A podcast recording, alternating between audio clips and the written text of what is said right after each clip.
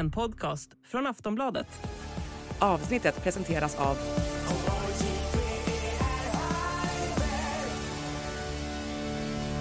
Stödlinjen.se, åldersgräns 18 år.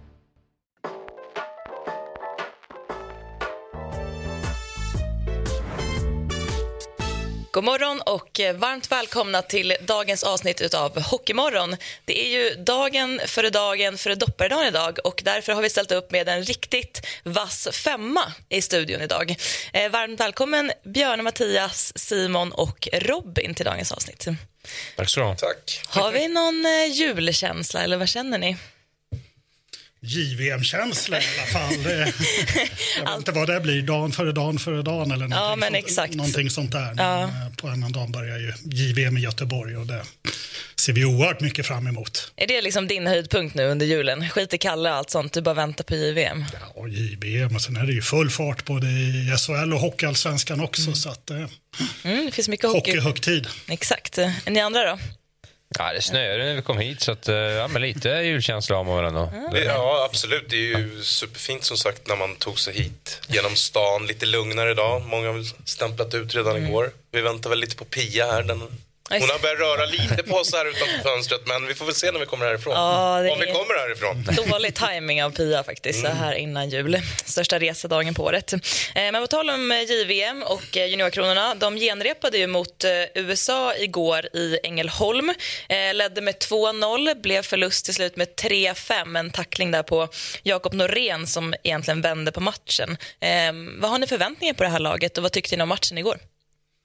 Det var ju kul genrep, tycker jag. Eh, sen var det ju mycket, mycket genrep, men det här är ju de två största favoriterna i turneringen. Kanada kommer ju inte med, med lika starkt lag som, som de brukar. Så att det, det är väl USA som ska vara favorit för, före juniorkronorna. Så att det var ju kul att de får känna på varandra lite.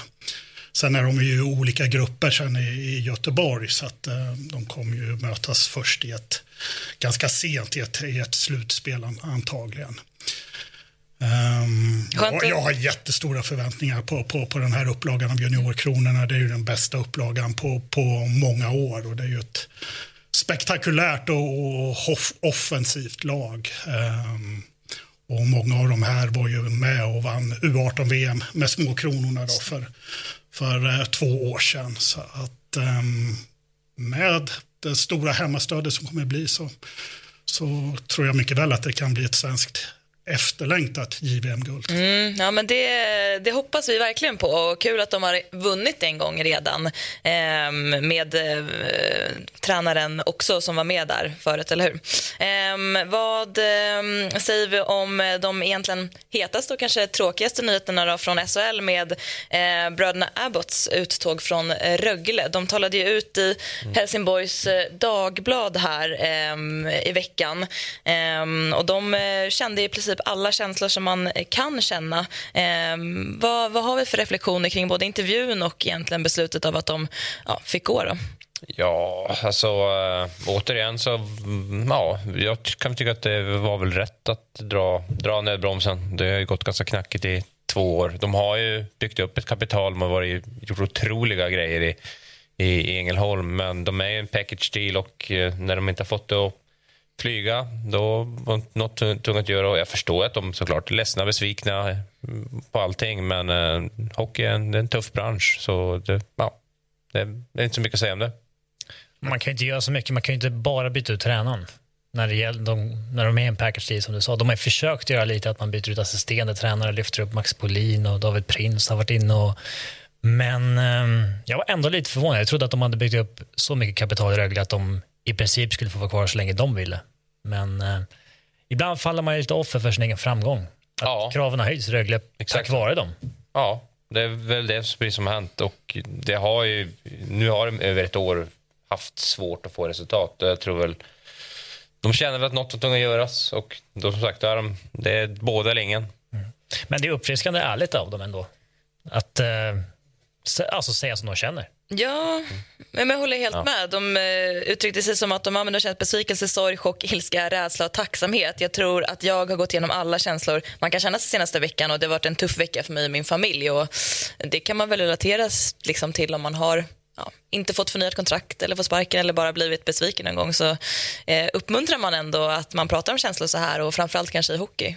Eller vad säger ni? Ja, alltså, någon har ju dragit undan mattan under fötterna på dem så det är väl det är väl jätterimliga känslor att känna. Sen, de är ju de är kanadensare och kanske närmare till känslorna vi, vi svenskar. Så det, det, det, det, ligger väl i naturen att de kanske är bättre på att uttrycka, uttrycka det också.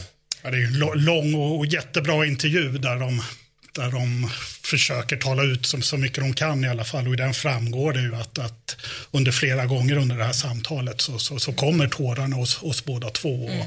rösten stockar sig och, och, och så där. Det finns ju eh, videomaterial på, på, på, den här intervjun också mm. hos, hos Helsingborgs Dagblad som, som, som så ofta gör ett jättebra jobb kring Rögle. Ja, och Cam Abbott säger det ska göra ont också. Det har ju betytt så himla mycket för dem. De har varit där så har vi 6-7 år och byggt upp någonting som de verkligen tror på. Så att, eh, ja, nu kommer ju någonting annat för dem.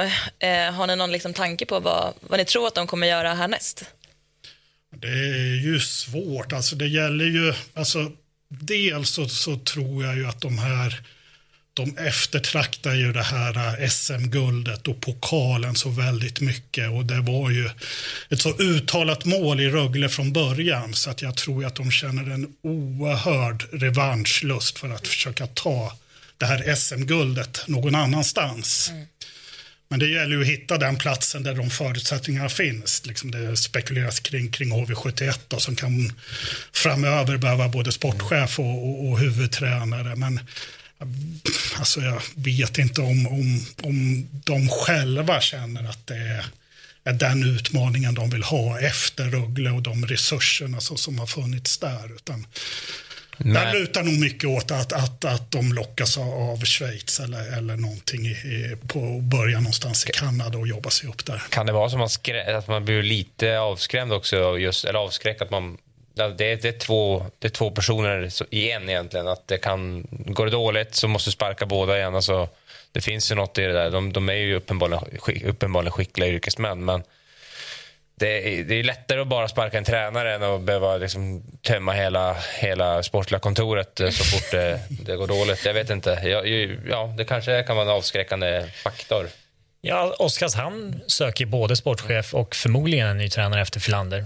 Så det, ja. där finns det ju en möjlighet så. Men då, det är om de lockas av att göra exakt samma resa igen eh, som de gjorde med Rögle. Rögle var ju i princip vad Oskarshamn var. När, Mindre resurser, men sen känns som mer, där ska de ju få mer att säga till om. Alltså där har de väl kanske, där får de väl klubben. Här, här har nycklarna, gör vad ni vill. Lite ja, jag mm. tänker på det också. Oskarshamn skulle ju kunna vara att man har den, mm. de får den friheten ja. att testa grejer och eh, absolut inte med samma resurser kanske då som i Rögle, men just att man har den friheten att testa grejer och, och, och så. Jag misstänker att de, de har ju kört sitt race i Rögle och gjort det jättebra och jag tror som sagt tidsaspekten också om de har varit där nu i sex år kanske lite brända i, i, i gruppen. Jag vet att det är en jävla omsättning på spelare och så vidare. Men, men i Rögle kan man, man kan dem liksom. Så att det, det, det det var, no, det var ju oundvikligt. No, allting har ju ett slut. Men nu blev det abrupt mitt i säsongen. Och det är klart att det blir eh, väldigt spektakulärt. Men, men, men typ ett litet så här Oskarshamn.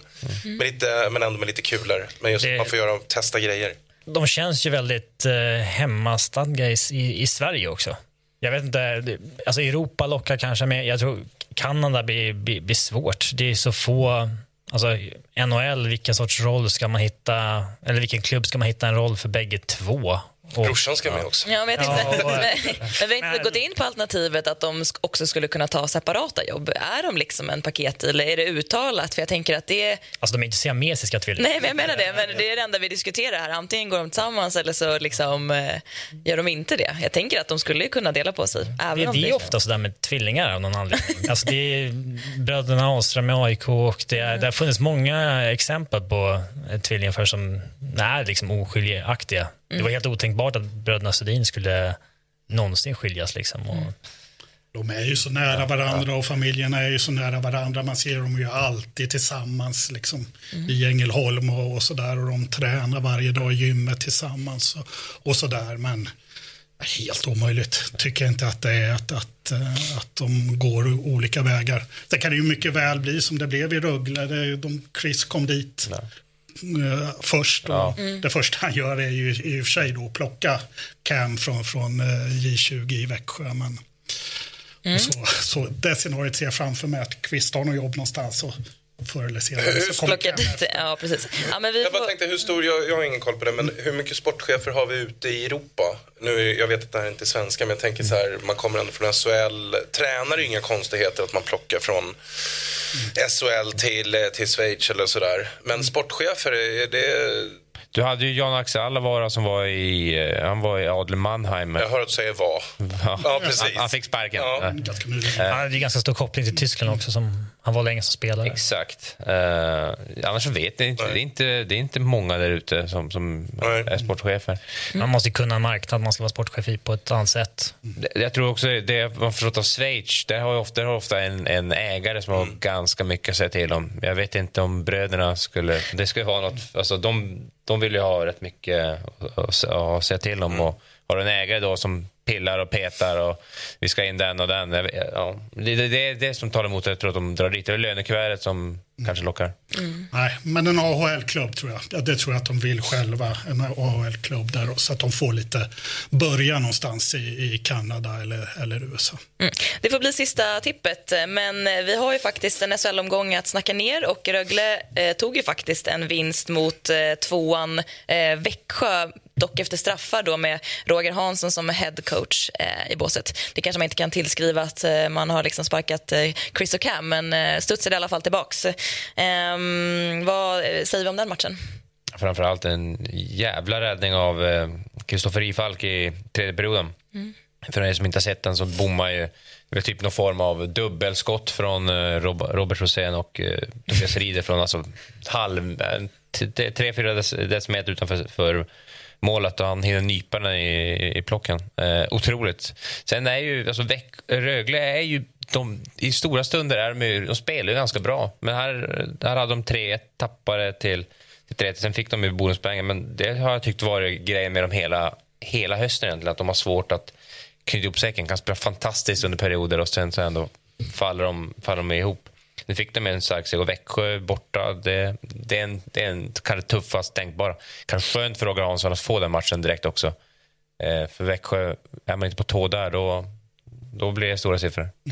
Ja, det har varit lite så för, för lag som har haft höga toppar och låga dalar. Rögle är ett och HV för sig kanske inte haft så jättemycket höga toppar men de har ändå lett en del matcher och sen tappat liksom i slutet eh, när man har någonting på gång. Och Frölunda kanske är lite likadan. Eh, vad är det som gör eh, såna, alltså att, vad behövs eh, förändras för såna här lag som har liksom en kanske duktig offensiv men som verkligen brister defensivt?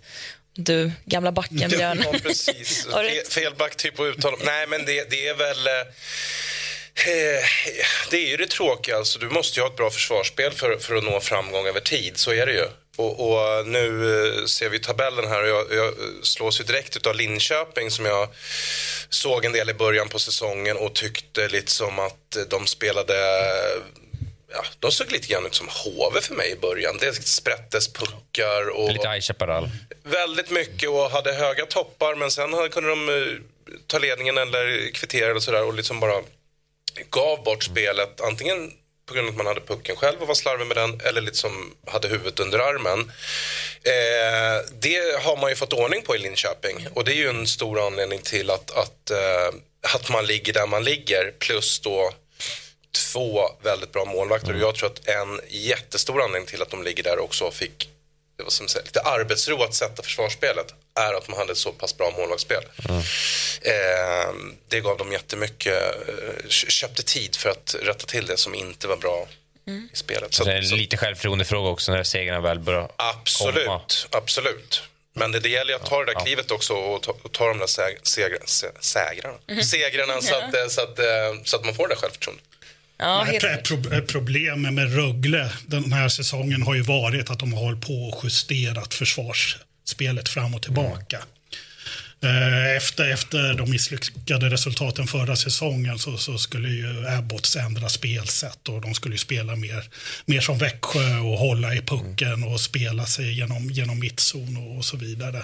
Och det funkade ju inte alls. Och sen har man hållit på och försökt justera och ändra fram och tillbaka olika, olika spelvägar. Och, och Ja, de har en jävla personal. eh, Alltså, de har de har 10 000 backar i också. Så att det är, jag vet, det är någon form av lite oro där som också jag tror är inte är helt hälsosam. Ibland pratar jag om att det är bra med liksom en bred backtrupp för att man ska skapa konkurrens. Men kan det liksom bli det raka motsatsen om man har för många backar som liksom, och sen ett liksom, lite sämre ledarskap så att man inte vet vem man ska sätta in? Kanske Björn är bättre att svara på än oss, men kan det bli en liten osäkerhet? Vad är min roll i det här laget eh, och så vidare? Eller?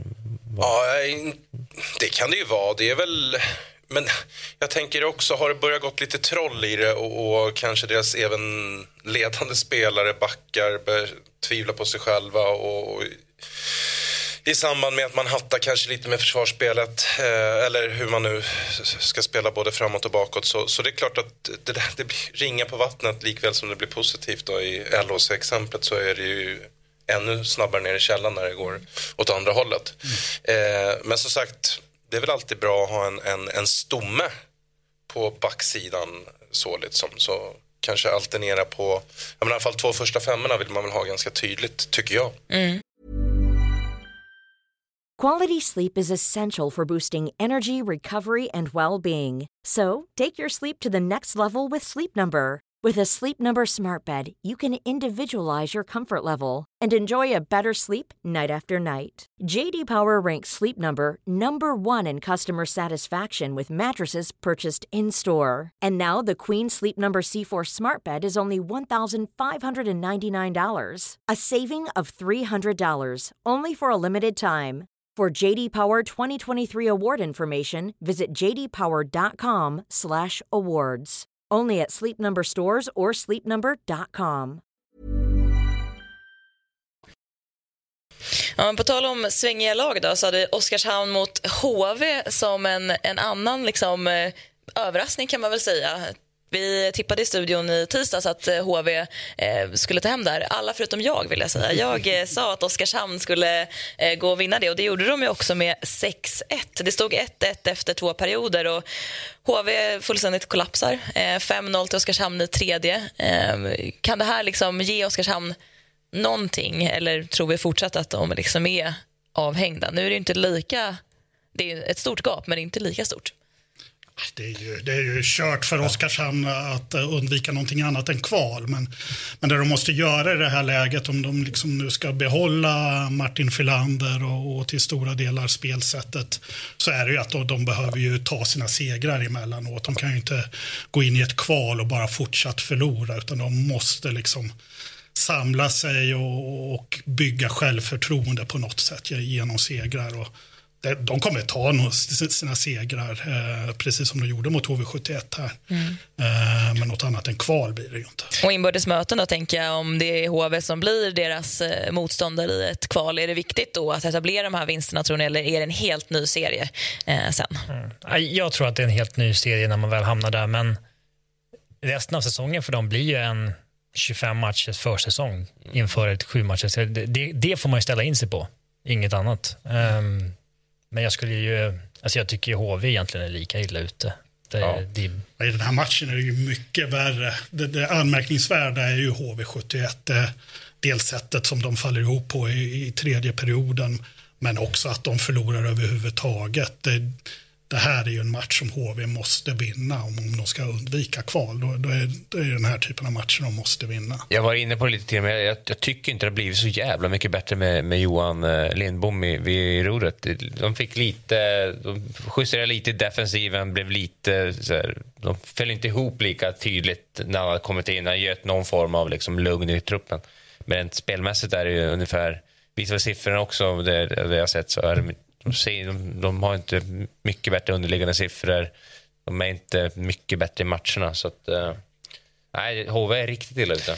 Ja, de har lite slut på uh, lösningar också. De har bytt coach, de har försökt värva sig ur problem fyra, fem gånger om. Mm. Det finns alltid mer pengar till nubben på något sätt. uh, och de träffar bara fel på fler och fler spelare. Och, um, Nej, det, jag, jag, skulle lägga mina pengar på Oskarshamn idag. Det finns en annan struktur ändå. Att jag, en coachduell mellan Filander och Lindbom skulle jag lägga på Filander alla dagar i veckan.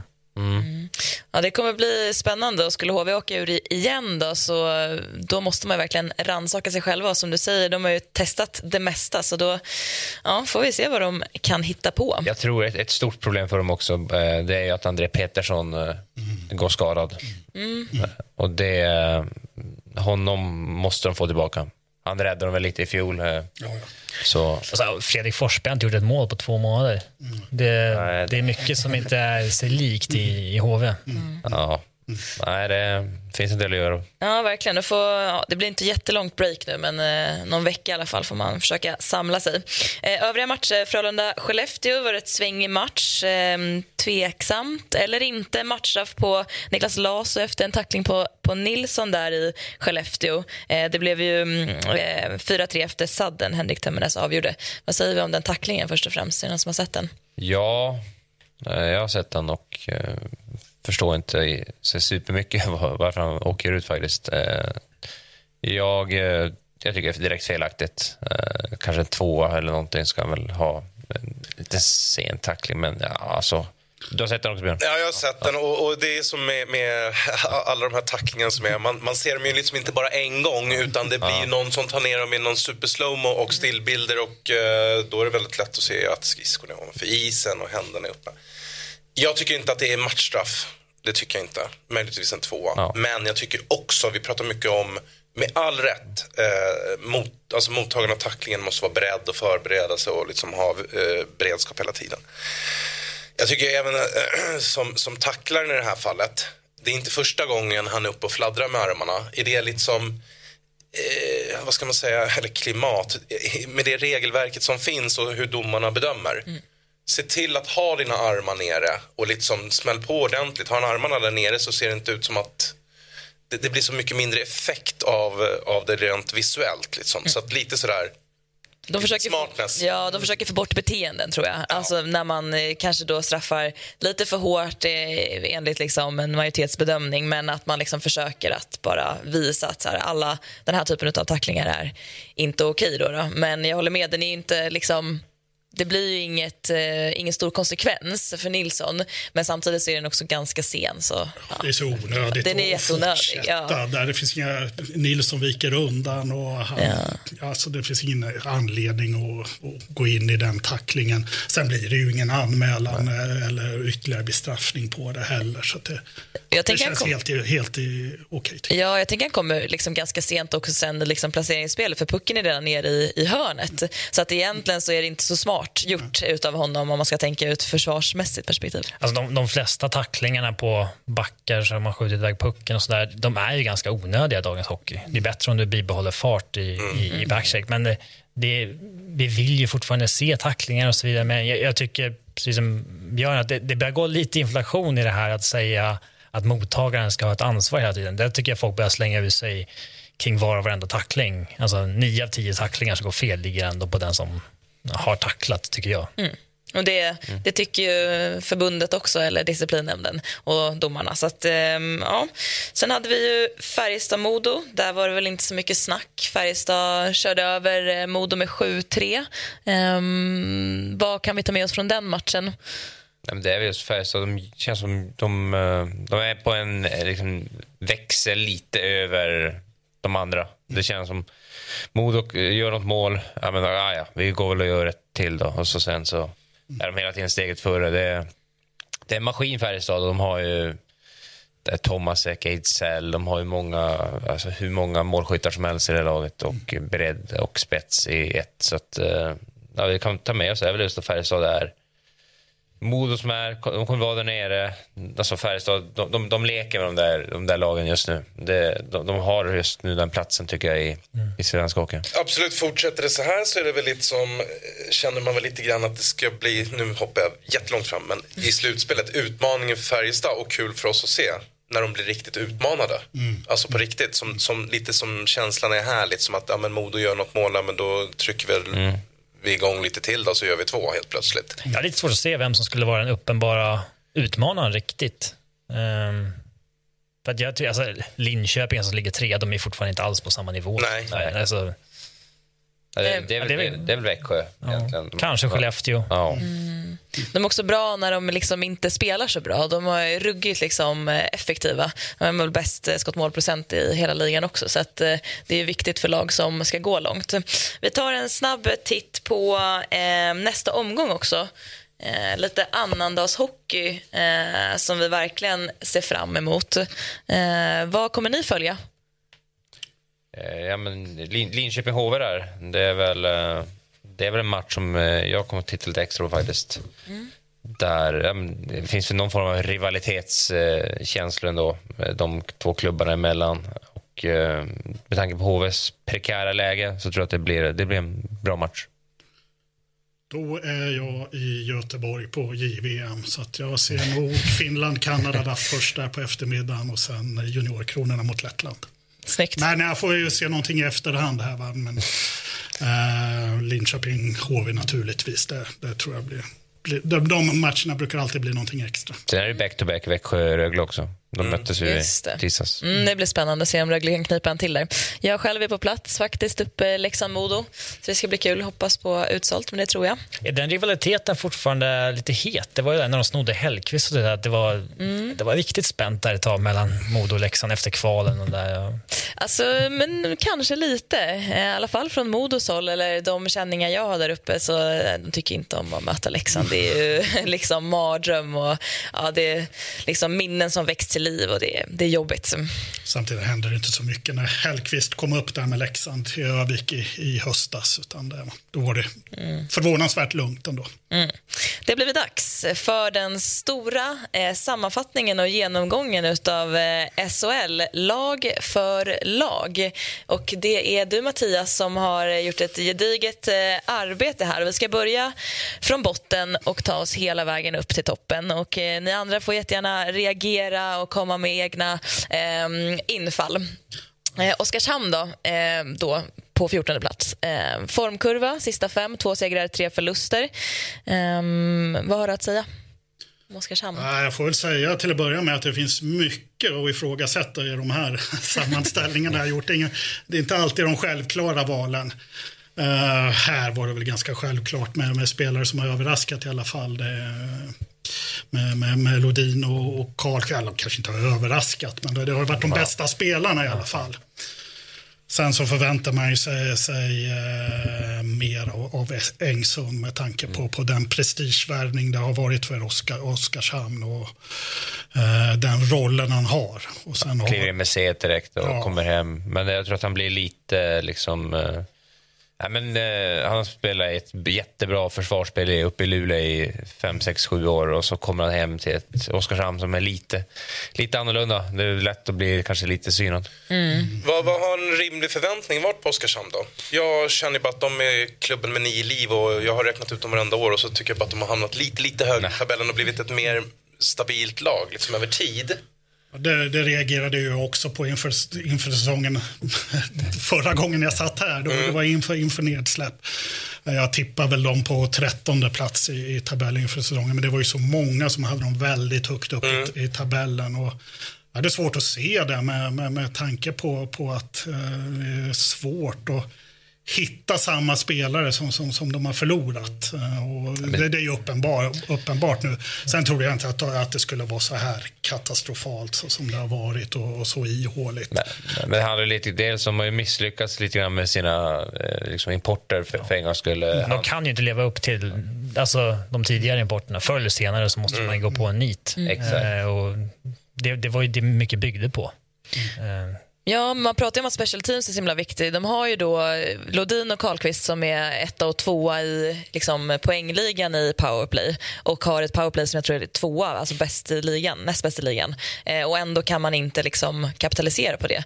Är liksom allt förutom powerplay fel på det? Eller vad, vad säger vi liksom om hur kan ett lag som är så bra i special teams vara så dåligt? Liksom, det är väl just för att de, de, de, de havererar ju i spelet eh, lika, lika man på banan. Mm. Det, det, är väl, det är så, alltså, i, i, deras fall är det väl så enkelt just att de... de... Ja, och det här uh, våghals, ja. halsbrytande försvarsspel som de alltid har hållit ja. på med. Det, uh, man måste göra väldigt mycket mål framåt ja. för, för, för, att, för att det blir väldigt mycket mål bakåt. Mm. Vi går vidare till eh, plats 13.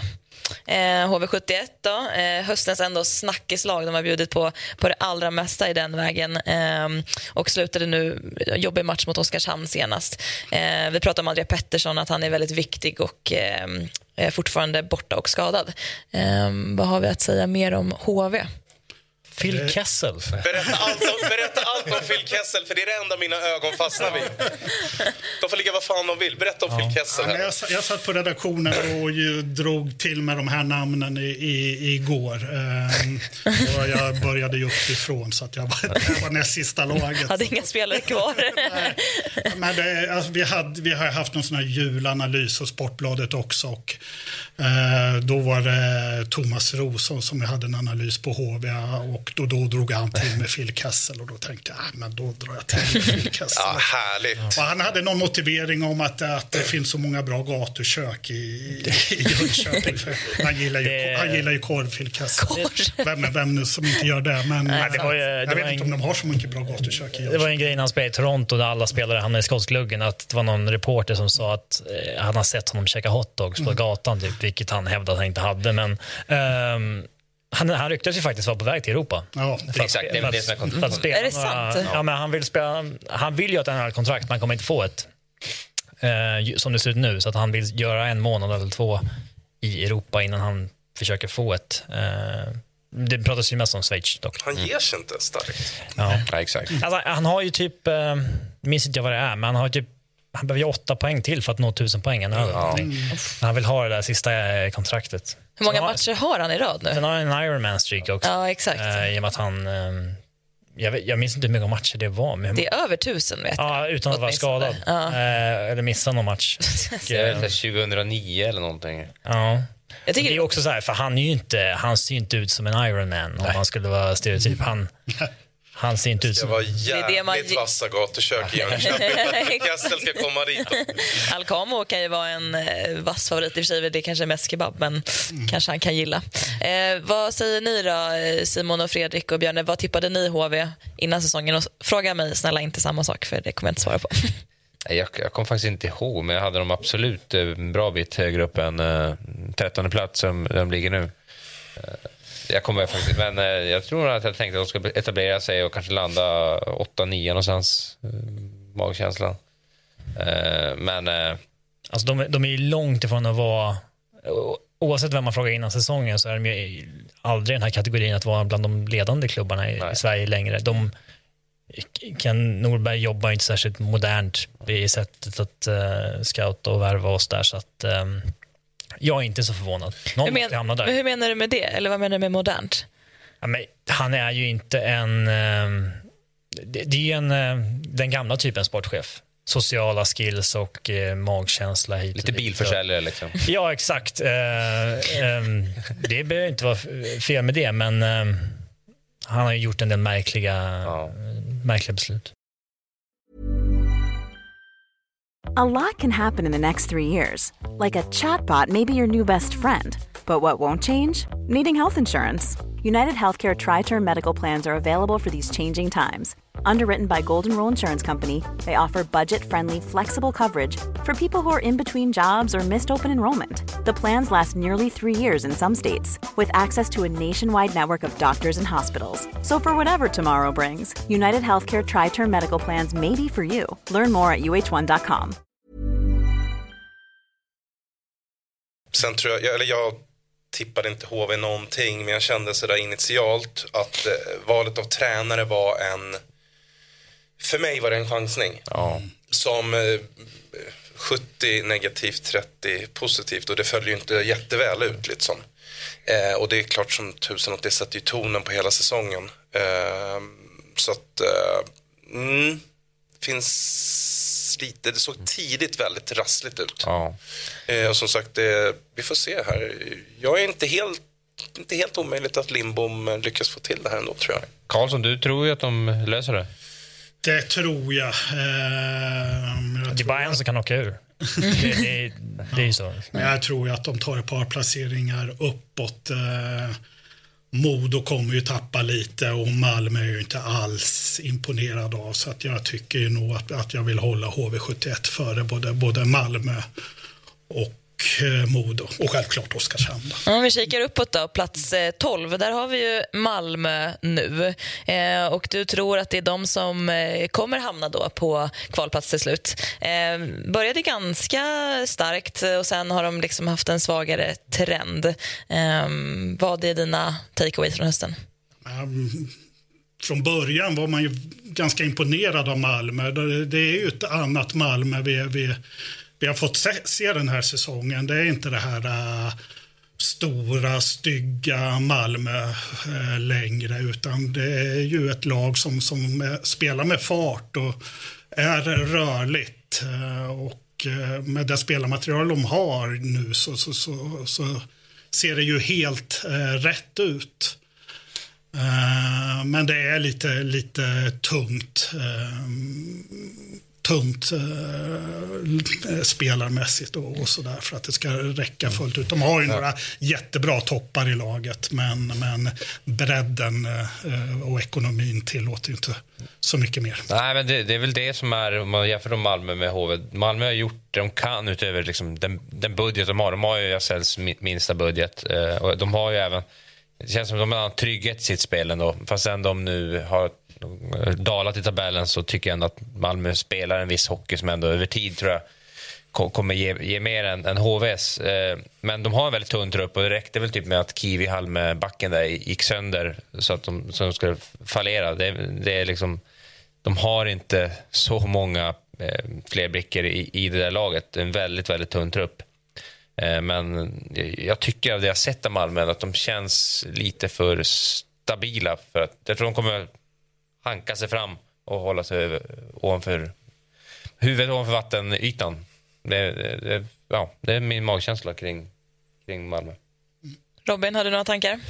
Eh, nej, inte direkt. Malmö är inte ett lag som jag haft särskilt. De, de känns ganska ointressanta faktiskt. Eh, eh, Malmö, minst, lägst budget och strukturerade. Det är, ingenting man, liksom, det är ingenting man förknippar med Malmö. Vill man ens höra det med Malmö? Nej, det känns inte igen. Nej. Ja, vi hoppar vidare till en eh, elfte plats. Och där har vi då placerat, eller där har vi Rögle eh, för tillfället.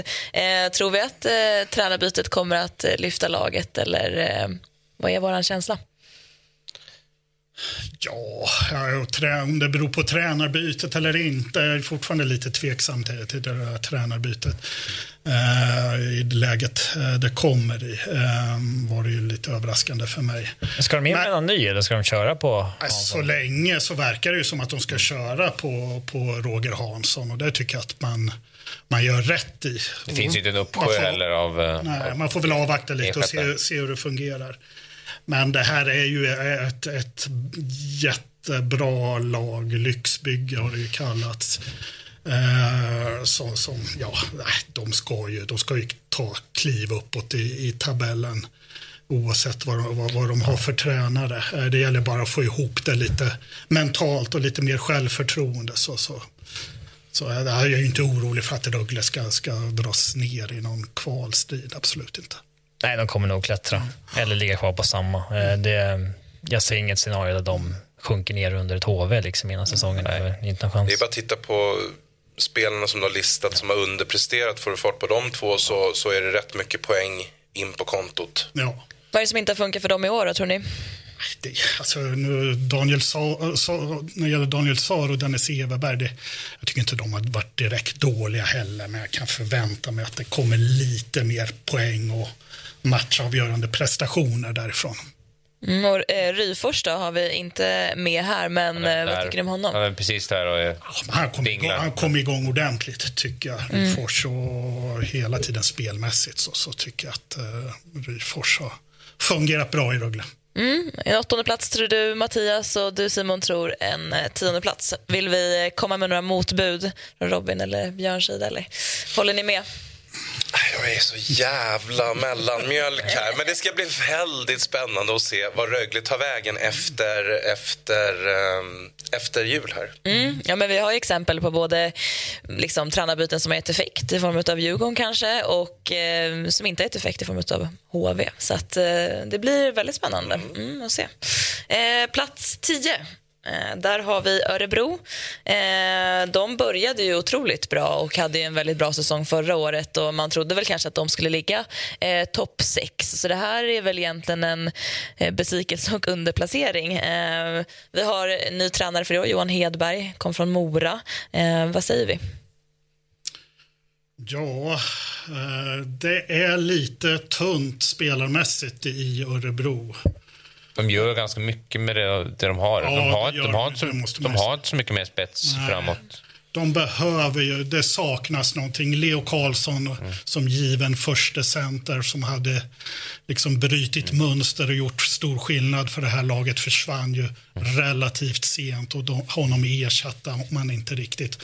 Så ja, där, behöv, där behöver man inte riktigt ersätta. Um, jag har skrivit en sportchef man bör förstärka med en offensiv spetsspelare. Mm. Behövs egentligen, alltså, ska de vara med och hota allra eh, längst in i säsongen så behövs det nog två eh, kreativa spetsspelare till i det här laget. Men minst en om, om man ska nå eh, bortom kvartsfinal. Mm. Vad tycker ni om eh, Jonathan Lekkerimäki? Känns det eh, liksom jobbigt att inte ha honom på hemmais längre?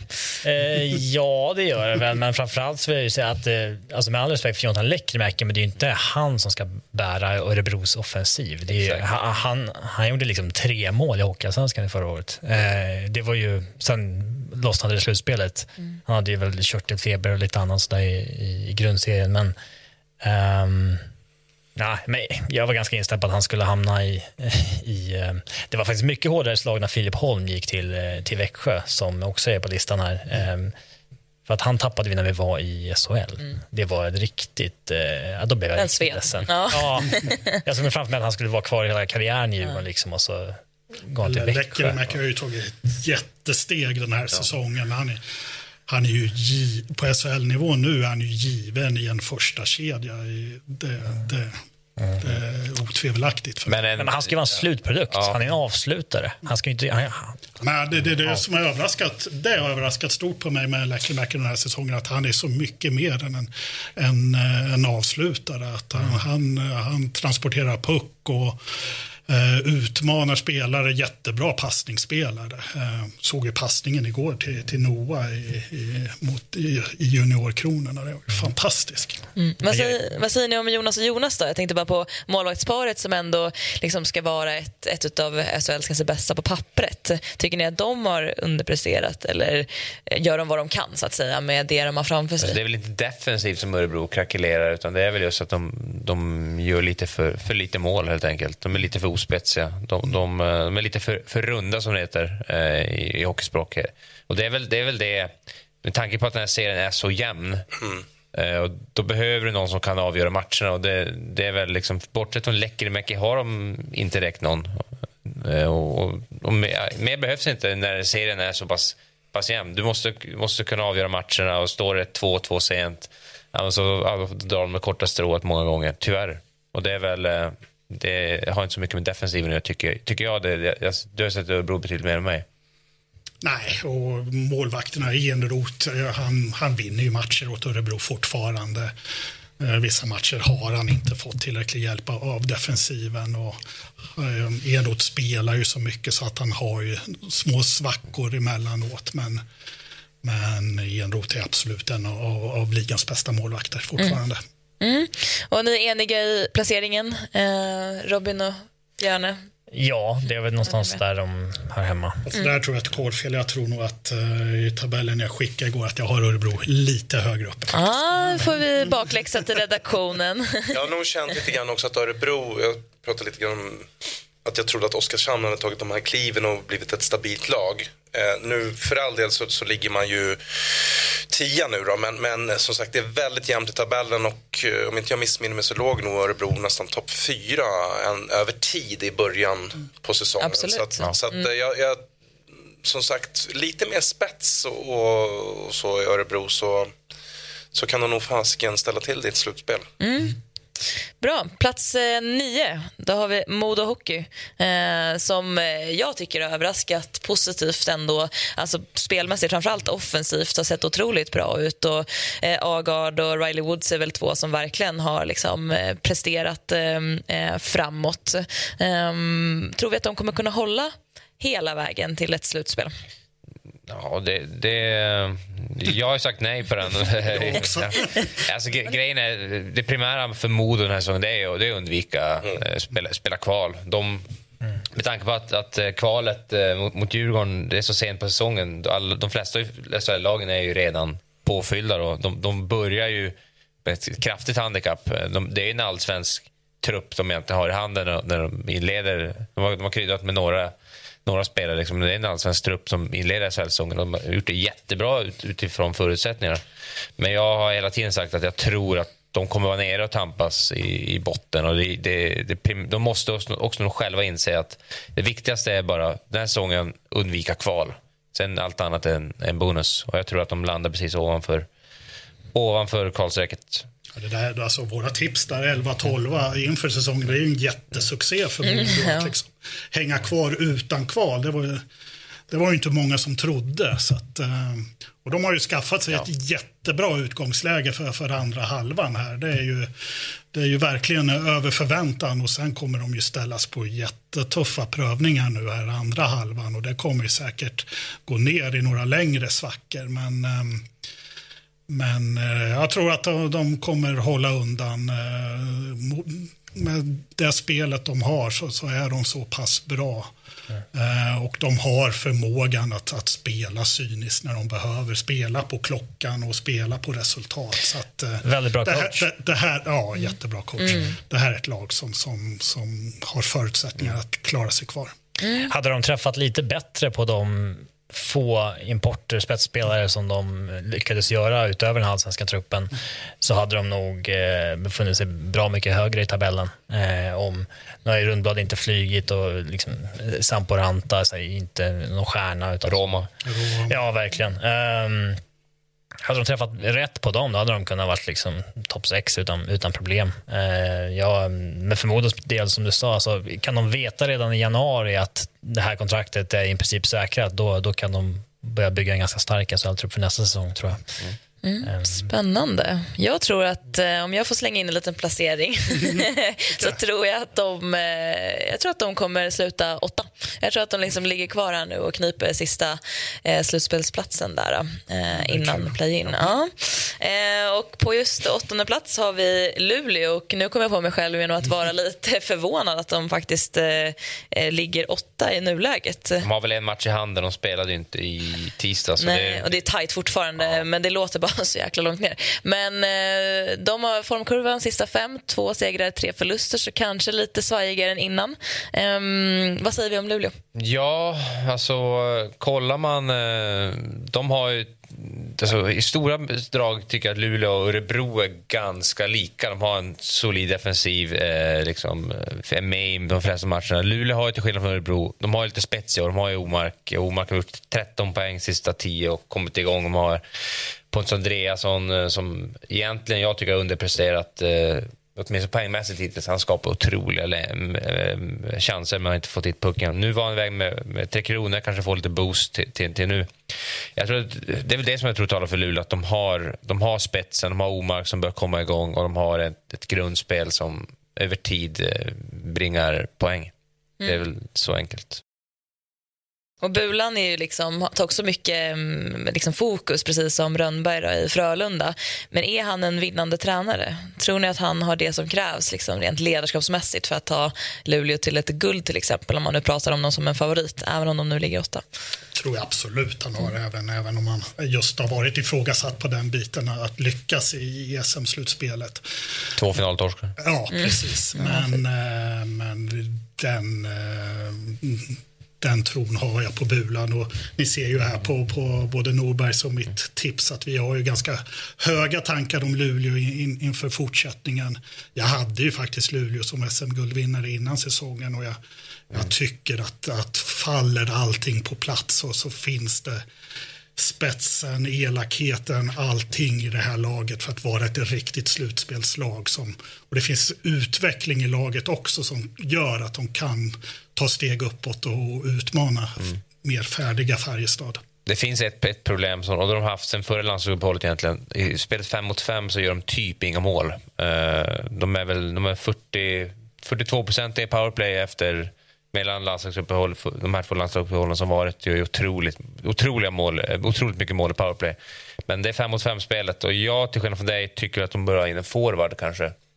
Eh, spetsa till om det finns en, en spetsforward att plocka in under säsongen som kanske skulle kunna gå in topp 6 det är det de saknar tycker jag. Annars mm. så ser de ganska bra ut. Ja, vi hade då... Lite på vad som händer med skador och sådär, vad, vad de behöver, om de behöver en back eller forward. Mm. Och sen att jag drog till mig när Emanuelsson, det är väl kanske ingen som tycker att han längre underpresterar poängmässigt, men det är ju som fantastisk mm. hockeyspelare som han vill ju att han ska göra fler poäng än, än mot Färjestad i en SM-final. Mm.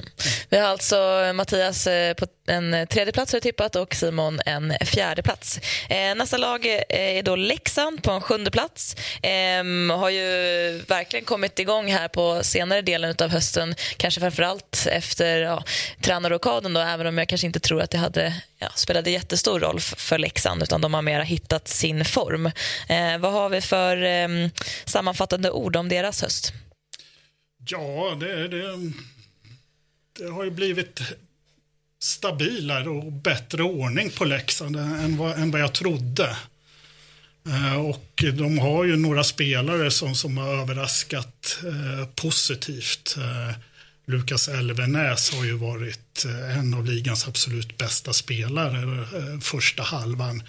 Jag är otroligt imponerad av honom. Han gör ju verkligen skillnad. Mm. Um, med, med, han är ju så kaxig med pucken och vågar ju utmana. Alltså, man blundar ju ibland när han gör de här passningarna bakom ryggen på mm. blå linjen, men det funkar ju alltid. Och han har fått självförtroende och får spela i en bra omgivning nu som, som han ska göra med, med, med Sälarek och, och Rivik. Så att, um, han kan ju bli guld värd för, för Leksand Elvenäs. Och sen har du ju då Anton Lindholm och Matt Kaitos mm. som backar. Och, uh, man reagerar säkert på att jag inte har med Filip Larsson som en spelare som, som, som har överraskat här. Men, men du har ändå eh, satt dem på en tionde plats här. Och mm. eh, Norberg på en femte, det blir en kul diskussion. Nej, men jag tycker att Leksand har, ju, de har spetsen. Och jag tycker även, jag tror det var Thomas Johansson, sportchef, var med här just var någon månad sedan vi satt där. Eh, när det hade vänt lite för dem. Ja, och han, jag tycker han pratade ganska på ett bra sätt kring för att de, de har fokuserat ganska mycket på försvarsspelet, få till grunderna. Och det är väl det som jag tycker har varit deras, deras stora problem. För de har ju de har ju väldigt många bra offensiva spelare, de, de som kan avgöra matcher. Eh, men att, när, när, han, när det kommer från honom då, lite högre ort, att de, de jobbar mycket på det, då känner jag att de, de, vet vad de, de vet vad de gör. Jag tänker precis på det också. Det är liksom stabiliteten tycker jag. Mm. Och det är, det är väl det som har tagit dem, som sagt nu ligger de sjua. Det är någon omgång och några poäng hit eller dit så ligger man högre upp längre. Men de här passningarna bakom ryggen och det, det har Leksand i sitt DNA höll jag på att säga. Även om man heter Elvenäs Men, men, eh, eh, så det, det finns ja. där. Men just att hitta den här grunden. Och, och jag tror kommer inte ihåg då när Thomas var med om hade nästan haft fyra raka torsk eh, någon vecka innan. Ja, och så åkte de upp till jag tror det var Luleå Skellefteå. Precis, och sen så snodde de fyra ja. matcher och sen har de väl, ja visst, de har förlorat och vunnit. Men, men det finns en helt annan stabilitet ja. och, och, och, jag tror, tror man jobbar jättemålmedvetet och orkar ha tålamodet. Så mm. fjäder hatten för Leksand. Challe, Challe och Tjomme. Det... Ja, precis. Här sitter, man, här, sitter man, här sitter man bara och berömmer kompisar. Förlåt. Ja, det är en trio som, som, som verkar göra mycket ja, det verkar just nu. komplettera varandra bra. Mm. Ehm, sen har vi Timrå då, då, som har gått ut med att eh, deras tränare Ante Karlsson inte får förlängt nästa år mitt i, på en brinnande sjätteplats och en ganska bra inledning av hösten. Då, då. Ehm, hur påverkar det, tycker ni, Timrå? Var det liksom bra timing, dålig timing, rätt beslut, fel beslut att just ehm, ja, avisera att Anders Karlsson inte kommer få förlängt? Ja, alltså det var väl, om det nu var klart att han inte skulle förlänga så var det väl alltså, det var rätt att och, och kanske basunera ut det, tror jag. Eh, sen om beslutet som sånt är rätt, ja, det får väl tiden utvisa. Jag, jag tror ändå att det finns mer att kräma ur det här laget eh, för kommande år. Så jag har nog inga problem med att Ante Karlsson lämnar. Jag tycker att de har ett ganska bra lag, Timrå. Eh, mycket Eh, offensiv spets. Otroligt, eh, ganska sevärd att kolla på också. Men eh, tycker jag faller ihop i matcher ibland och är liksom, från en dag till en annan kan de se helt håglösa ut. Så att, jag, jag, jag, jag har så svårt att liksom bestämma riktigt för vad, vad jag har Timrå. Det känns lite så här, svårt med identiteten riktigt, vad, vad det är för lag. Alltså, jag, jag, jag har ju varit upprörd över att de inte förlänger med Ante Karlsson. ja. Jag har ju så höga tankar om, om Ante Karlsson och det jobbet han har gjort med, med, med Timrå. Så jag tycker alltså att om man nu tar beslutet kan man väl lika gärna ja. gå ut med det, det har jag ingenting emot. Men, men just beslutet i sig tycker jag är ju rent bedrövligt med, med det jobb som, som, som Ante Karlsson har gjort med, med Timrå. Man måste ju komma ihåg var, var Timrå kommer ifrån. Förra året så handlade det ju grunden om att bara undvika kval. Men, men de överpresterar, eh, slutar sexa i tabellen, då pressar Örebro rejält i kvartsfinalen och, tar den till, till, till sju matcher. Och eh, ja, nu är de ändå på en sjätte plats. Det är ju helt okej okay för, för det här laget. Och de, de är ju på, på en resa och, och som, som Ante har påbörjat. Mm. Och sen bara avsluta den, för, för den här resan är inte klar. Den, den borde Ante Karlsson ha fått fortsatt för att det här kunde ta ytterligare steg framöver. Och mm. De här spelarna som, som, som har kommit hem, de här stjärnorna, det är, det är ju Antes grabbar. Liksom. Så jag förväntar mig att de, de, de spelar för honom nu och mm. att, att, det här, att de överpresterar sig själva. Vilket de inte gjorde i första matchen efter beskedet. Då, då föll de ihop totalt. Men, mm. Men ehm, jag hoppas verkligen det. Ja, och vi har en eh, sjätte plats från dig Mattias och en åttonde plats eh, för dig Simon. Eh, vi eh, går rast vidare så att vi hinner med hela eh, tippningen här och eh, på femte plats nu har vi Frölunda. Ehm, Roger Rönnberg som vanligt i fokus, eh, kanske bra med tanke på att Frölundas eh, form verkligen har varit eh, upp och ner egentligen hela säsongen jämfört med förra året kanske när de var stabila. Ehm, vad, vad säger vi? Alltså det, med Frölunda är ju det är, det är en stor klubb och de är så här, det är, det är ganska många SL-lag som här, kom, kan smyga med utan att det, det märks. Frölunda har de två raka, då är det direkt. Då är det kanske inte krisstämpel, då, då är det liksom Roger under lupp och det är liksom lite snack nere i, i Göteborg och sen så vin, alltså, Frölunda vinner och förlorar lite, lite, lite här och där. Tycker jag. De, att de är femma tycker jag ändå... Det var lite, jag tror de var lite längre i tabellen faktiskt. Eh, för det har varit sånt snack om att det, att det varit, eh, gått dåligt. Men eh, Roger, Roger ger någon form av trygghet. Eh, man vet ungefär vad man får av Frölunda. Men han får inte alls ut kanske max av den, den, de, de spelarna har. Om man nu kollar Malte Strömvall, var borta med Tre Kronor, då ser han ut som en rund miljon. Och sen han, som att han åker lite med handbromsarna i Frölunda. Så det finns, finns att jobba på. Sen saknar de ju, som du säger, det är akut med en, en ledande center. Den eh, liksom... De är ju så pass bra så de har ju råd att, att eh, söka och leta och få igång Malte Strömvall eller hitta någon. Eh, så trygga er. Ja. Springer de ligger femma eller sexa, de, de, de kommer hoppa lite så men det är tryggt liksom. Ja. De, men, de har presterat ja, ojämnt, ja. men är ju så bra lag i grunden så att jag, jag förväntar mig att de kommer vara med i toppen och in i det sista SM-slutspelet. Mm, Ros var inne på att uh, han tycker att de borde plocka in uh, Lou Eriksson och, och testa honom. Uh, vad, vad säger ni om det?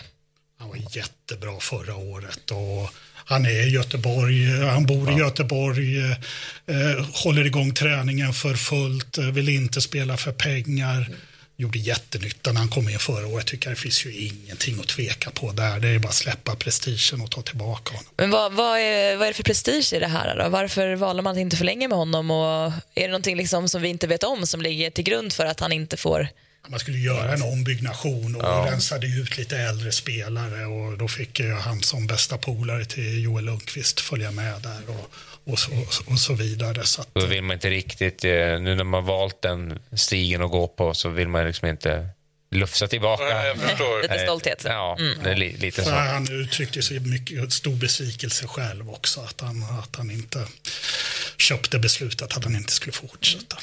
Ja, ni har tippat om eh, fyra och eh, sjua. Har vi några andra sista motbud eller låter det rimligt? Alltså, de, de tillhör väl inte de där absolut bästa tre längre. Eh, så det är ju... Nej, jag tycker att det är rimligt. Eh, fjärde plats eh, har vi Skellefteå. Eh, också, jag tycker själv att de har liksom känts svala men så ligger de fyra ändå nu. Liksom, lyckas eh, plocka poäng liksom, stabilt och, och sådär. Eh, vi har satt eh, Andreas Jonsson då, som har överraskat trots att han kanske inte har spelat så många matcher och eh, Seb Forsfjäll och spelar som underpresterat Per Lindholm och Dylan Sikora. Eh, vad har vi för eh, motivering till det här? Till de där spelarna. Ja, jag borde motiverat på fler ställen känner jag, för man kan ifrågasätta dem, men det finns lite olika tankar bakom. Andreas Jonsson tycker jag har varit fantastiskt bra och lyft, eh, lyft laget när han har kommit in. Så att det, det föll verkligen väl ut. Han lyfte ju Dylan Sikura eh, när de har fått spela tillsammans. Så att, eh, Dylan är ju riktigt bra, bra nu också. Per Lindholm är ju ingen dålig hockeyspelare. Han gör ju sitt jobb hela tiden. Han kunde kanske gjort lite fler poäng där i början. Men det här är ju ett jättestabilt lag med, med toppspelare och många yngre spelare som tar kliv hela tiden. Så att eh, jag förväntar mig att Skellefteå utmanar om SM-guldet. Absolut. Mm, snyggt. Eh, Då har vi Linköping då, kanske egentligen höstens största positiva överraskning. Vi har pratat mycket om negativa besvikelser men eh, ligger trea nu och eh, jag vet inte vad hade ni för toppning på de här, eller tippning innan säsongen? Jag tror jag hade de tolva. Precis eh, norr om eh, kvalstrecket. Ja, jag har nog förträngt det, men det var nog där nere också. Ja. Här får jag ju säga att det är hårt att sätta Filip Bystedt och Mattias Hävelid där. Men Det är tufft. Det- Den här är... riktigt tufft. Det blåser på toppen. Så. Ja, Men eh, alltså, jag hade förväntat mig att, att de skulle ha tagit ett lite större steg den här säsongen och vara ledande spelare för Linköping. Det har de inte riktigt varit, men de kommer säkert vara ledande för juniorkronorna i JVM. Det, det, det tror jag. Jag är jätteförvånad att Linköping ligger där uppe. Det, det kändes som det var deras tur att göra en Brynäs HV på något sätt. De hade legat och liksom touchat på att dras ner i det där flera, flera år i rad och inte varit bra. Eh, det liksom forna, starka Linköping var ju helt raserat. Eh, så jag, är, jag är mycket förvånad att de befinner sig där uppe nu. Mm. Ty Ratty leder poängligan nu Ja. också, så otroligt viktig eh, poängspelare där. Ehm, vi, vi går vidare ehm, till Växjö då, som ligger på en andra plats. Ehm, också ett lag som vi har pratat liksom lite eh, kritiskt kring i början av hösten men som sen liksom har spelat tillbaka sig till sin gamla stabila eh, form. Vilka har överraskat mest positivt här? Jag vet inte om de har överraskat, men det har varit de bästa spelarna helt enkelt.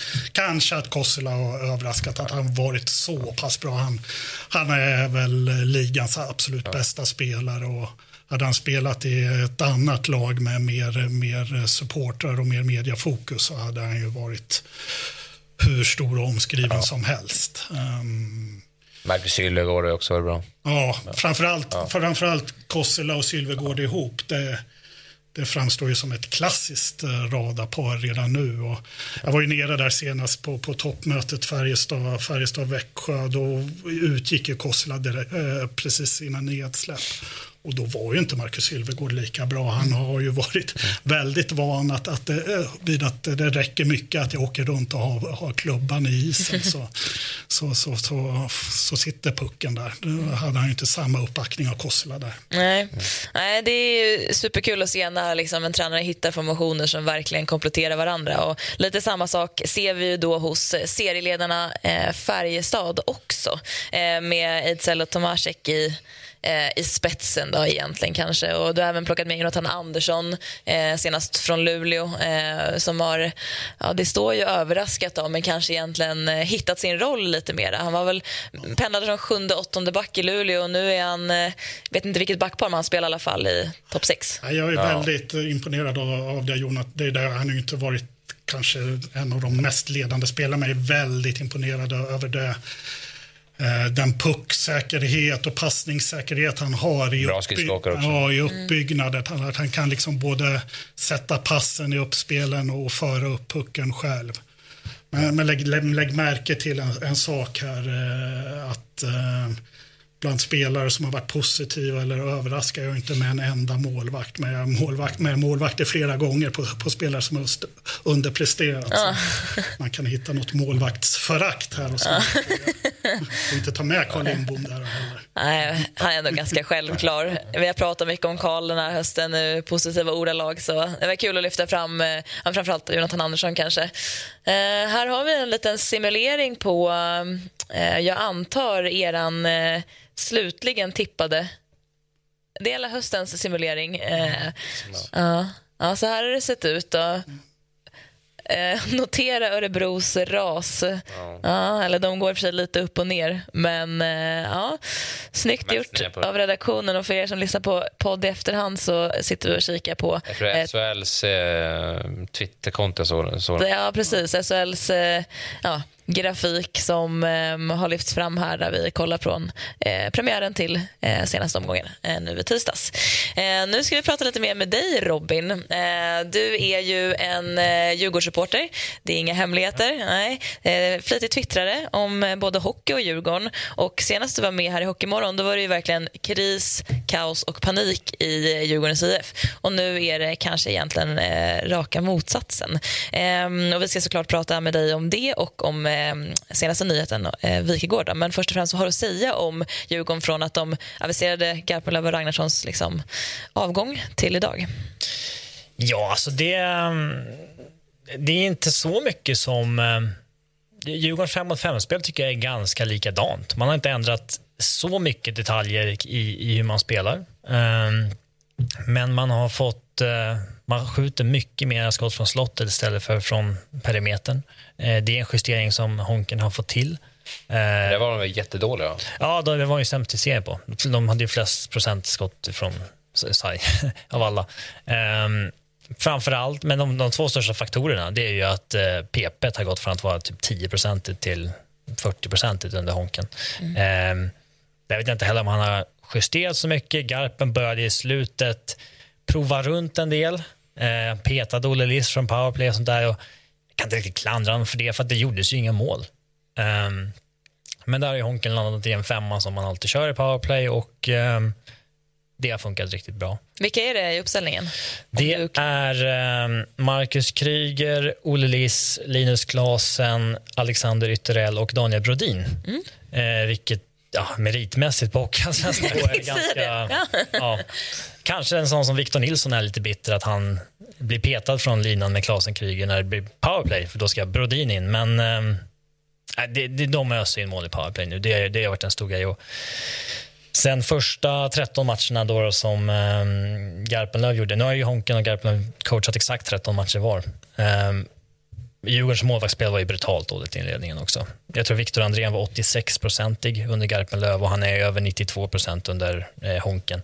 Så att han har gett Djurgården betydligt större chanser att vinna matcher. Ehm, men sen så spelar man också bättre försvarsmässigt. Eh, kanske, alltså, jag tycker alla backar har höjt sig, men kanske inte just i egen zon, men framförallt i, i det offensiva spelet. För man bytte ju även ut Marcus Ragnarsson mot eh, Patrik Andersson som, som backcoach. Och det, det tycker jag har fått effekt på, på många backar. Eh, Kevin Karlsson vågade ju inte spela sitt spel under Marcus Ragnarsson. Han blev ju petad så fort han gjorde något misstag. Eh, jag tycker att han lyckades stöpa om sig till en ganska duktig defensiv back, men nu under Patrik Andersson så vågar han spela ut igen och man ser honom dyka upp i offensiv zon och snurra runt och spela sitt, sitt spel igen. Så att, um, jo, men Djurgården har, på, på isen har man höjt sig på, på, på många sätt, men um, ja. Så samma, sammanfattningsvis då kanske powerplay har blivit bättre, liksom kommit in med kanske något nytt tänk där och försvarsspelet har blivit bättre och sen även ledarskapet att man har gett förtroende till vissa spelare, nyckelspelare då som inte är kanske bäst men som behövde det mest. ja målvaktsspel framför allt. Mm, och målvaktsspelet. Men kan det ha att göra med att man har ett bättre försvarsspel? För jag, menar, jag tänker de har samma målvaktstränare. Eh, jag tänker inte att man spelar på ett annat sätt som målvakt men att man har eh, ja, ett bättre system runt omkring sig. Jag, jag ser inte några liksom, eh, enorma skillnader så, för, för man har också saknat massa backar under, eh, under Honkens. Ja. Men eh, det är kanske Björn, du ser alla Djurgårdens matcher också. Saknar några backar under tre års tid tror du? Ja. ja. Man värvar inte ett skadat gods. Nej, Nej men eh, den största grejen, man har släppt ner axlarna, man har börjat köra. Mm. Eh, jag ser inte heller några jättestora skillnader och Honken har ju jobbat jättenära Garpen och Ragge så att mm. eh, om spelarna köper det eh, var less på den konstellationen som var innan. Det har jag ingen aning om. Eh, men, men det är ju det, är det huvudsakliga. Liksom. Man har pratat jättemycket om att man fått energi i gruppen. Energi ska ju fan finnas där ändå. Det är en grundförutsättning. Mm. Men hockeyspelare kan väl vara knepiga och truliga. Och nu har man fått mer energi och det är mer fart. Eh, det finns fortfarande massor, massor med detaljer tycker jag för att liksom ta det här nästa steget.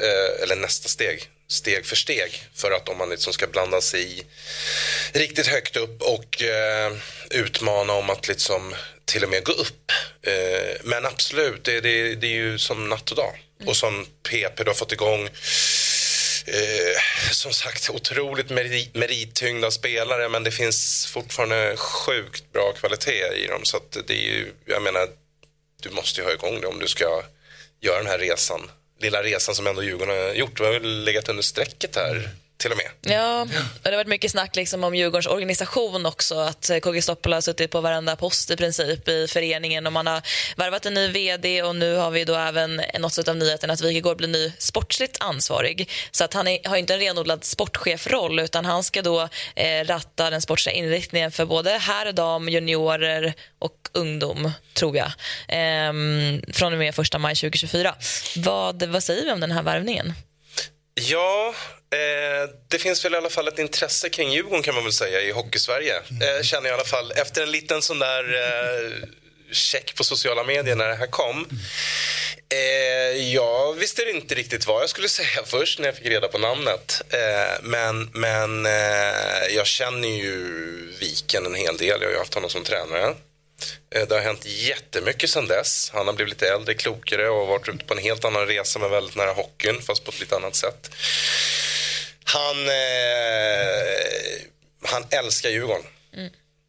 Eh, det gör han och det har han väl fått skit för i Simor en del gånger också.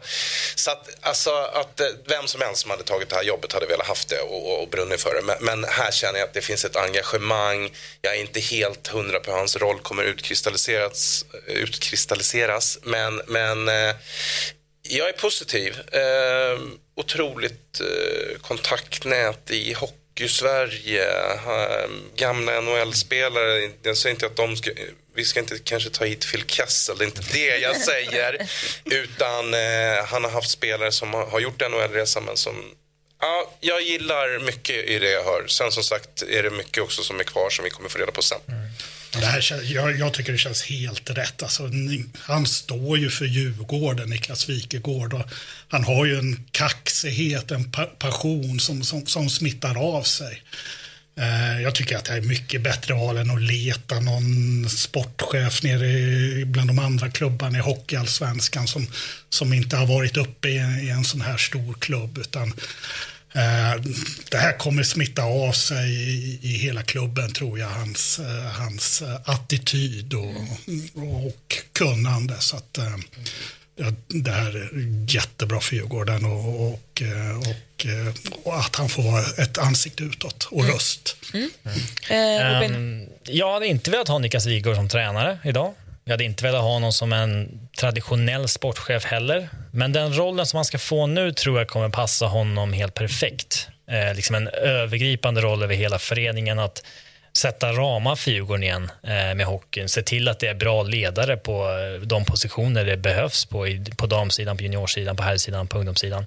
Ehm, han har ju fått den rollen som NHL-lagen brukar kalla President of Hockey Operations. Medan man... Djurgården har ju jag vet inte om man sagt det offentligt, men det, det lutar åt att man kommer ta in en, liksom, en traditionell sportchef under Wikegård som ska jobba mer med A-laget. Eh, fokus på värvningar, fokus på scouting och då ha tid att scouta. Så att Wikegård kan avlasta mer uppifrån. Jag var inne på att Djurgården måste ha två sportchefer. det ska komma in en och en assisterande så att man verkligen har tid för det. För jobbet är så stort idag, speciellt i en förening som Djurgården. Det är inte att vara sportchef i Västervik eller Almtuna eller något annat. Det, det är väldigt mycket ansvarsområden och eh, jag tror att Niklas Wikegård kommer vara en otroligt bra resurs för Djurgården på många sätt. Eh, man ska komma ihåg att han är en mycket framgångsrik företagsmänniska. Djurgården måste dra in pengar. Han är väldigt duktig på att få saker att hända på den fronten. Han är en... Ja, alltså den... Eh, Modern entreprenör. Ja, jag tror att han är en sån kille som du gärna har med på en sponsorresa och liksom eh, får, eh, får dem att pitcha in några hundratusen till. Eh, där kommer han vara väldigt skicklig för, för Djurgården och eh, jag eh, tror på det här upplägget som de har eh, skapat. Mm. faktiskt. Så du tror att det kanske mer kommer ingå i hans uppdrag att eh, till exempel då, eh, ja, men, eh, jobba lite med, mer med marknad? Alltså, för han är ändå sportsligt ansvarig, men du pratar om ekonomisponsorer och sådär. Tror att det då kommer lyftas in i den här rollen som någon slags specialare för, för Wikegård? För det kanske inte traditionellt sett ingår liksom, i en eh, sportsligt ansvarig roll.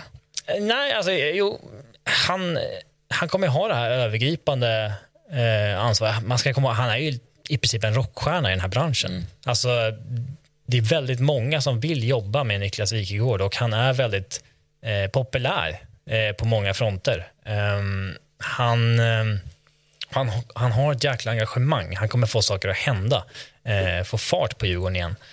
Um, jag, jag, tror att eh, den här rollen som han kommer få är väldigt eh, perfekt för just honom. Jag hade inte velat ha honom som tränare eller sportchef idag, men den här rollen att eh, få ordning på Djurgården igen på och sätta ramar, det, det, det är som skräddarsytt för honom tror jag. Mm, Patrik Selin eh, var ju här i tisdags och han, eh, han tyckte att det var liksom lite 50-50. Antingen blir det liksom succé, men han hade också lite liksom kritik kring att eh, man, inte bara Djurgården, i hockeyn kollar man bara liksom absolut närmast hela tiden och man omsätter spelare liksom hela tiden, eller, och liksom personer som har varit i föreningen förut. Vad tror ni om den tesen? Liksom, är det bra att ta in folk som kan Djurgården, även om det var 2005 han var där senast? Han har ju såklart hängt med på sidan om, men om ni förstår resonemanget engagemanget från, från Patrik och även andra. Eh, är det bra eller kan det, behöver man kolla liksom lite längre bort? Alltså det här har ju varit ett problem i Djurgården länge. Det här är ju anledningen till att man slutade bli framgångsrika. Att man inte längre tog den som var bäst lämpad för jobbet utan man tog, letade bara tränare i den gamla Djurgårdslådan, bara sportchefer i den gamla Djurgårdslådan. Och eh, det har varit ett problem. Eh, man, man kollar liksom inte utanför sitt eget... Eh... Sen tog man in Barry Smith. det var utanför lådan.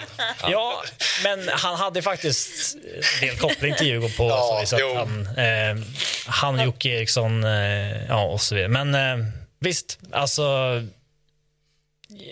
Ja, därför hade jag inte velat ha någon som tränare eller sportchef. Utan där behöver de lite mer modernt tänkande hockeymänniskor med liksom det um, hands-on, det dagliga. Mm. Vem tror vi tränar Djurgården nästa säsong då?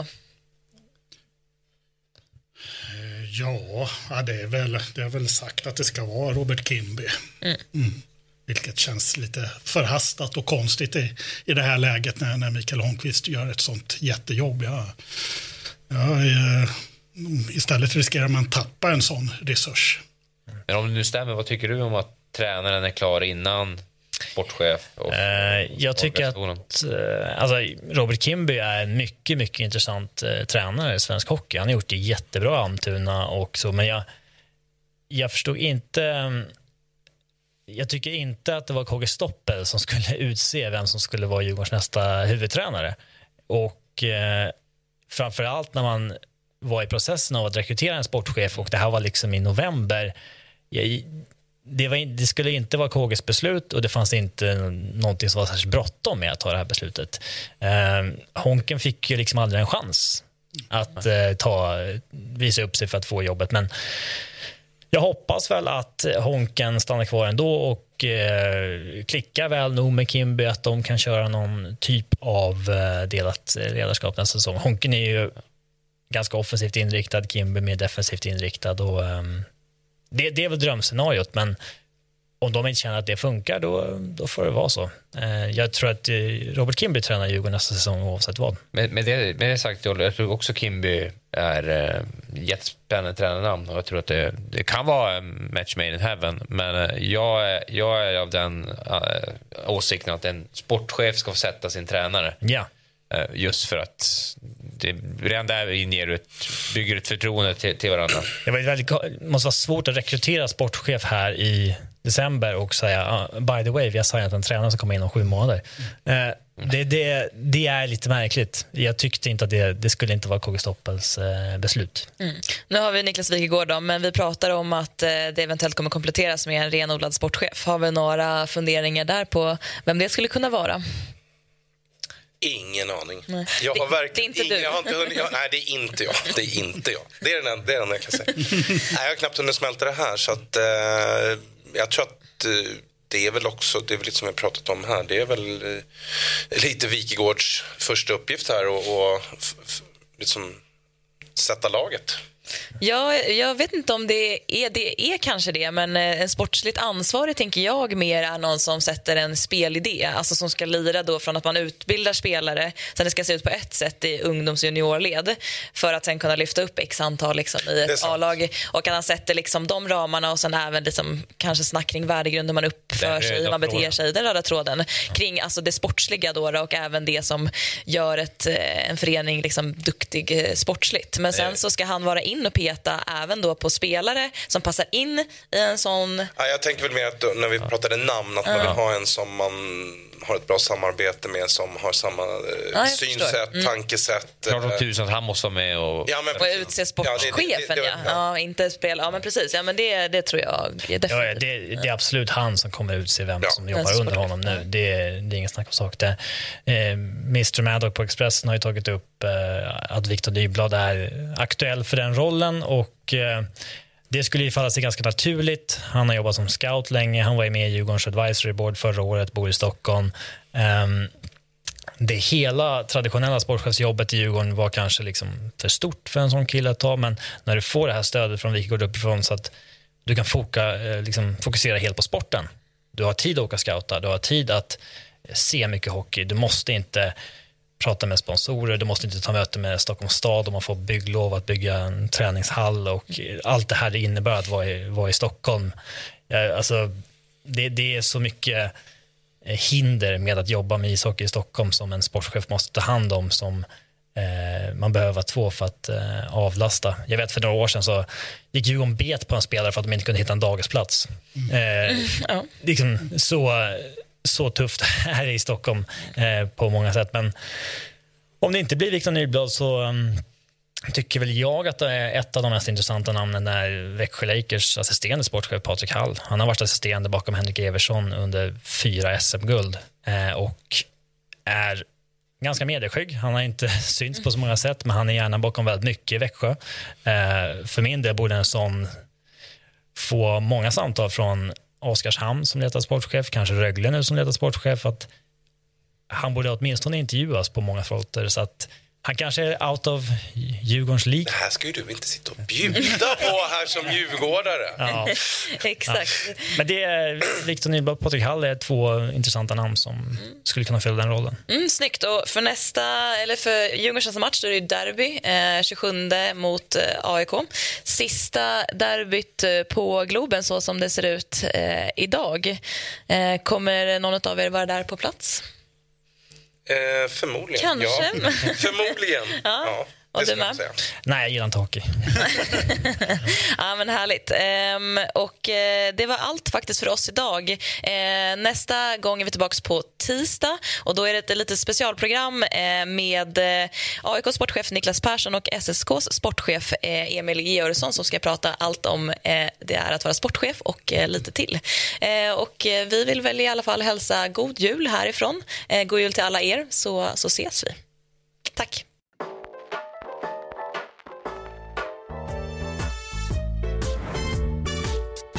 Du har lyssnat på en podcast från Aftonbladet. Ansvarig utgivare är Lena K Samuelsson.